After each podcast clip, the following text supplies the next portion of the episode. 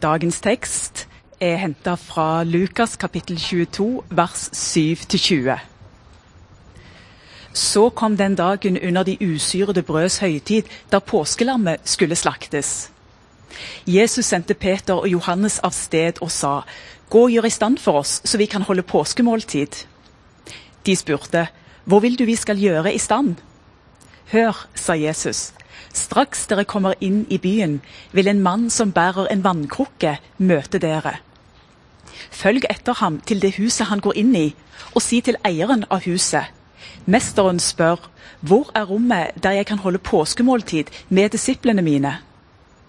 Der skal han vise dere et stort rom ovenpå, med tepper og puter. Der skal dere stelle i stand. De gikk da av sted og fant det slik som han hadde sagt, og de gjorde i stand påskemåltidet. Da tiden var inne, tok Jesus plass ved bordet sammen med apostlene, og han sa til dem, Jeg har lengtet inderlig etter å spise dette påskemåltidet med dere før jeg skal lide. For jeg sier dere, aldri mer skal jeg spise påskemåltidet før det er blitt fullendt i Guds rike. Så tok han et beger, ba takkebønnen og sa, Ta dette og del det mellom dere. For jeg sier dere, fra nå av skal jeg aldri mer drikke av vintreets frukt før Guds rike er kommet. Så tok han et brød, takket og brøt det, ga dem og sa, Dette er min kropp som gis for dere.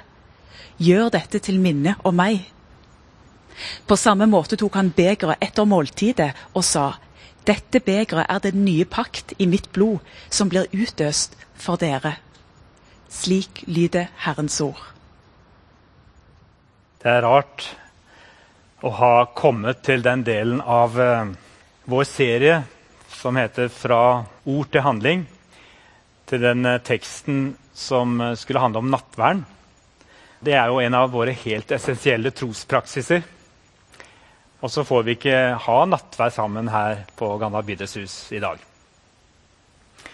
For mange av oss er det å dele brød og vin, eller saft fra vintreets frukt, det er eh, en helt essensiell del av troens rytme.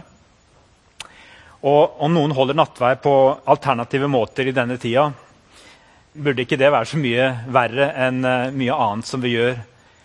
Fordi at eh, bare det å innbille oss at vi har en gudstjeneste her nå, når vi ikke kan være sammen fysisk, det er jo for så vidt også bare en, en eh, dårlig erstatning. Men vi gjør det beste ut av det. Så jeg vet at kanskje det er en, noe som foregår rundt om i en del hjem i Norge i dag nå for tiden, som kanskje ikke ligner helt på de vanlige nattverdgudstjenestene. Men jeg tenker at nå må vi gjøre det som må til for å ta vare på både troen og livet i den tida som vi lever i. De fleste prester i Norsk kirke vil holde fram at uh, nattvern i hovedsak skal foregå i en gudstjeneste der en som er såkalt rettelig kalt til å forvalte ord og sakrament, har ansvaret. Det kan virke for noen ganske begrensende og nesten kontrollerende. Hvorfor kan ikke nattvær bare foregå alltid i de tusen hjem som en hverdagshandling i familiene? Det er noen som mener det, og som gjerne praktiserer det. Og Kanskje finnes svaret heller en plass midt imellom. Nattverden den er noe annet enn et uh, helt vanlig måltid. Det er et sted hvor vi får ta imot Jesus på en helt spesiell og konkret måte.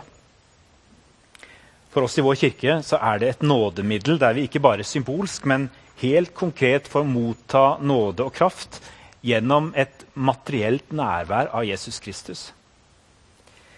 Og Vår kirkelige tradisjon har vært opptatt av at måltidet det skal beskyttes av noen rammer som sikrer at måltidets intensjon og innhold blir forstått og også forvaltet riktig av dem som har ansvaret.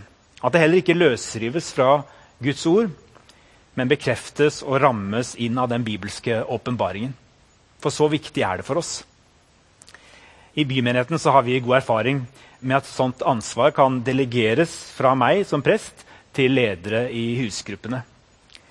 Vi tenker at det godt kan kombineres med tanken om at en ordinert prest fortsatt har det øverste forvalteransvaret.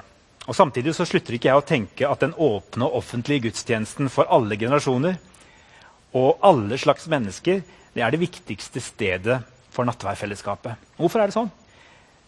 Ikke fordi jeg som prest må stå i sentrum. Jeg forstår at det er sånn det lett kan oppleves. Men for meg så handler det først og fremst om å sikre oss over tid at ikke nattverden blir noe vi gjør i små interessefellesskap, bare sammen med den vi liker best eller passer best sammen med. Den vi føler vi har mest til felles med. Dem som er i samme livsfase som oss, som mener akkurat det samme som oss. For nattverden den er noe annet i vår storfamilie. Det uttrykker denne forunderlige enheten i mangfoldet av mennesker som Kristi kropp utgjør her i verden. Og Derfor sukker og lengter jeg etter at vi på nytt skal kunne samles så mange som mulig i alle våre rare og fantastiske forskjellighet. Til fysisk fellesskap, skulder ved skulder, bekjenne vår tro på den korsfestede og oppstandende Jesus Kristus sammen og dele nattværmåltidet sammen. Og for en dag det skal bli. Om to uker. Eller må vi vente enda lenger? Det begynner å haste, for vi har så mange vi ønsker å ha med oss inn i dette fellesskapet. Og vi vil ikke at denne fryktelige sosiale distanseringen skal gjøre at vi mister fokus og retning i det vår menighet er til for. Må Gud hjelpe oss i mellomtiden så forsøker vi å være kreative og søke reserveløsninger. Vi ringer til hverandre, vi går turer utendørs. Vi deler måltid med dem vi har lov til å være sammen med, mens vi venter og ber. Og vi bruker disse digitale verktøyene som har blitt en mulighet for oss til glede for noen og skuffelse for andre som kjenner at bare de går inn på dette, her, så blir de minnet om det de savner. Fra ord til handling heter temaserien vår. Og jeg hører at noen av gruppene har rukket å forsøke seg på denne bibellesemetoden operatio divina. Noen har til og med gjort det via et skjermfellesskap på Zoom eller andre verktøy. Jeg tror vi må fortsette kanskje med dette til høsten, når vi forhåpentligvis kan samles skikkelig igjen i cellegruppene. og på andre måter, fordi Ellers så tror jeg lett at uh, vi bare har fått vist dette på en foreløpig måte.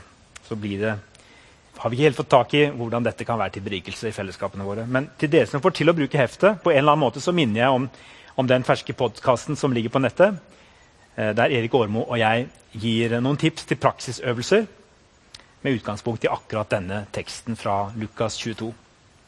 Nå, nå har jeg lyst til å dele en kort meditasjon med dere som løfter blikket litt fra selve det konkrete nattværmåltidet og trekker noen linjer til, det, til andre sider av vår tilværelse.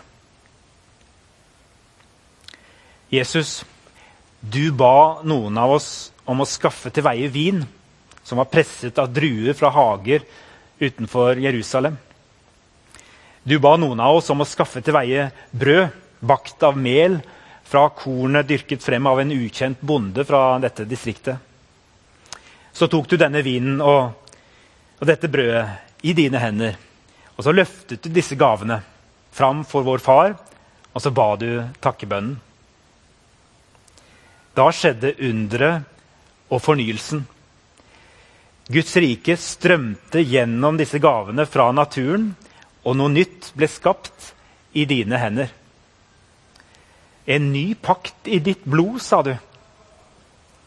Din kropp gitt for oss, sa du.